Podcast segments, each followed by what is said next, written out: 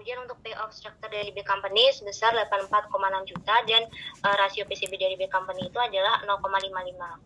Next, Jeff. Thank you next. Thank you next.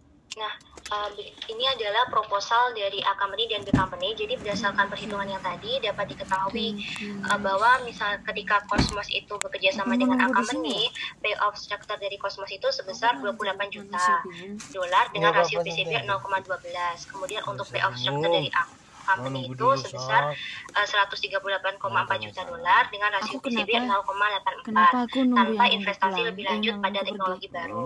Kemudian Yang untuk proposal uh, B company ketika ketika Cosmos akan ketika Cosmos bekerja sama dengan B company, Cosmos itu akan memperoleh payoff structure Nah, sebesar ngecek 35 juta dolar dengan rasio PCB aku tuh habis. 0,5. Sedangkan B company itu akan memperoleh